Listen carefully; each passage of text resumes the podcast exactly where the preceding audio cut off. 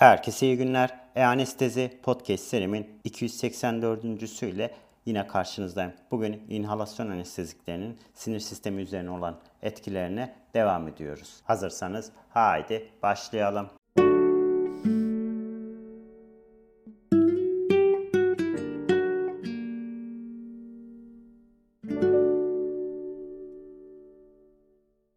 Herkese iyi günler. E-Anestezi Podcast serimin 284. ile yine karşınızdayım. Bugün inhalasyon anesteziklerinin sinir sistemi üzerine olan etkilerine devam ediyoruz. İlk olarak kafa içi basıncına bakalım. İnhalasyon anestezikleri kafa içi basıncı üzerine net etkisi serebral kan hacmi ve beyin omurilik sıvısının dinamiklerini değişiklikler yaparak ve arteriyel karbondioksit basıncını bu şekilde belirlemektedir. Ve bu bağlamda izofloran ve sevofloran bir mak altında uygulandığında minimal vazodilatasyona yol açarak diğer inhalasyon ajanlarına göre serebral kan hacmini ve kafa içi basıncını daha az etki yapmaktadır. Ve bu şekilde inhalasyon anestezikleri boz oluşumunu ve emilimi üzerine etki yapmaktadır. Enfloran boz oluşumunu artırıyor ve emilimini azaltarak tek inhalasyon ajanı olarak karşımıza çıkmaktadır. Halutan boz emilimini bozuyor ve ama oluşumunu minimal etkilemektedir. İzofloran ise emilimini hızlandırarak BOS dinamikleri üzerine olumlu etki oluşturmaktadır. Otoregülasyonda ise serebral otoregülasyon ortalama arter basıncı 50 ila 150 mm civarında olduğunda serebral kan akımı sabit tutulabilmesini sağlayan bir mekanizmadır aslında. Basınç artarsa miyojenik mekanizmalarla prekapiller resistans damarlarda vazokonstrüksiyon ile akım sabit tutulur iken düşük basınç varlığında ise vazodilatasyon gelişerek benzer bir düzenleme yapılmış oluyor. Damar tonusunun ayarlanmasında endotelyum, deri ve relaksın faktörler ve nitrik oksit rol almaktadır. İnhalasyon anestezikleri doza bağlı olarak beyindeki nitrik oksit artışına yol açarak otoregülasyonu bu şekilde bozmaktadır. İnhalasyon ajanları bu etkisiyle konsantrasyonlar ile orantılı olarak artırıyor ve vazodilatasyon özelliği en baskın olan ajanlarda bu durum daha belirgin hale gelmektedir. Sevofloranın otoregülasyonu en az inhibe eden volatil ajan olarak karşımıza çıkıyor.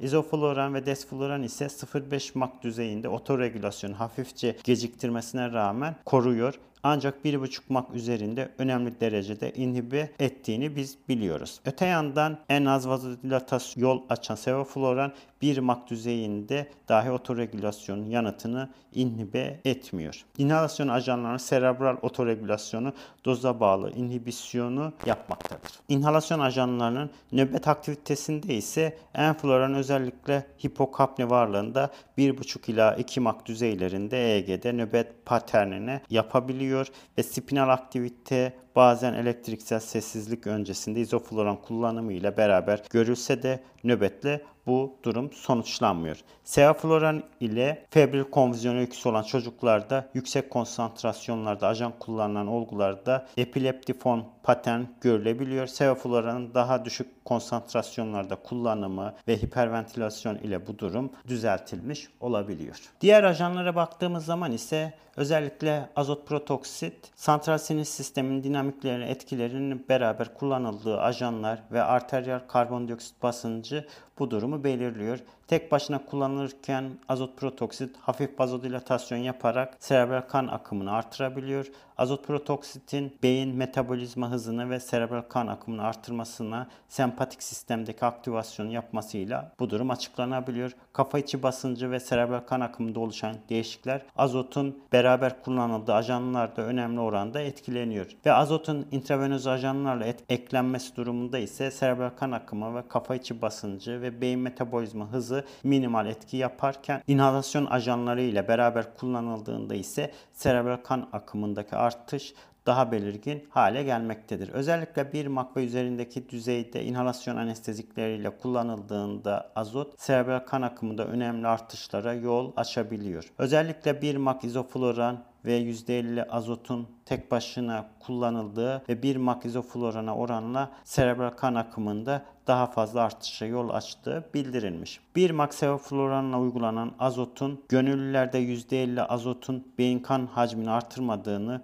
bildirilmiş başka bir çalışmada ve bu bulgular ışığında azotun beyin hacmine olan etkisi serebral kan akımı kadar önemli düzeyde olmadığı gözüküyor ve azot protoksitin serebral dolaşımın karbondioksite yanıtını da baskılamamakta. Ve bu durumda azot protoksitin vazodilatasyona bağlı etkilerini özellikle intrakraniyal kompliyansı azalmış olan hastalarda sakıncalı olabileceği durum ortaya çıkmaktadır. Ancak azot protoksitin bu etkileriyle beraber kullanıldığı ajanlara çok bağlı halde karşımıza çıkmaktadır. İntravenöz anestezik ajanın olumsuz etkilerini geri döndürürken özellikle yüksek MAK değerindeki inhalasyon ajanları bu etkileri daha belirgin hale getirebiliyor. Mevcut bilgiler ışığında bu şekilde nöroanestezide azot protoksitin kullanımı kontrek olduğu yönündeki bilgiler aslında doğru değildir. Ancak beynin rahat olmadığı, kafa içi basıncının yüksek olduğu olgularda ise azotun olumsuz bir faktör olabileceği akılda bulunması gereken bir durum. Yine de intrakraniyal hava veya hava embolisi varlığında bu azot protoksitin bu havanın hacmini daha fazla artıracağını da zaten biliyoruz. Diğer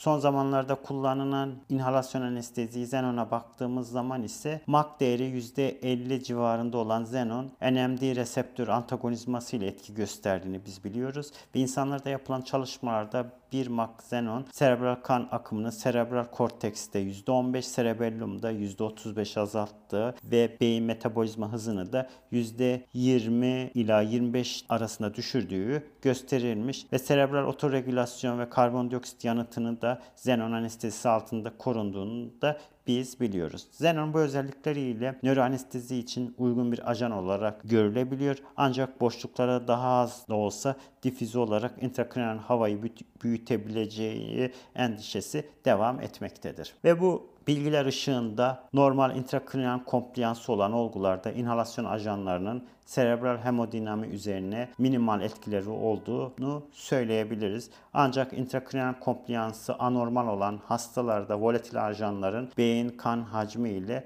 kafa içi basıncını artırma olasılığı oluşmaktadır ve bu nedenle özellikle hızlı büyüyen intrakraniyal kitlelerde kafa içi basıncı artışı olduğu durumlarda karbondioksit yanıtı veya akım metabolizma eşleşmesinin bozulabileceği durumlarda inhalasyon ajanlarının kaçınmak doğru yaklaşım gibi durmaktadır. İnhalasyon ajanlarının kullanılmasında bir sakınca olmadığı beyin cerrahisi girişimlerini de zaten biliyoruz. Sevofloran ya da desfloran tercih edilebilir ve bu ajanların 0,5 ila 1 mak düzeylerini aşmamak şeklinde titre edilerek kullanılabilir. Ve kısaca baktığımız zaman halotan serebral metabolizma hızını azaltıyor, serebral kan akımı akımını artırıyor, boz üretimini azaltıyor, boz emilimini azaltıyor, kafa içi basıncını artırıyor. İzofloran ise serebral metabolizma hızını azaltıyor, serebral kan akımını artırıyor, boz üretimini değiştirmiyor, boz emilimini artırıyor, kafa içi basıncını artırıyor.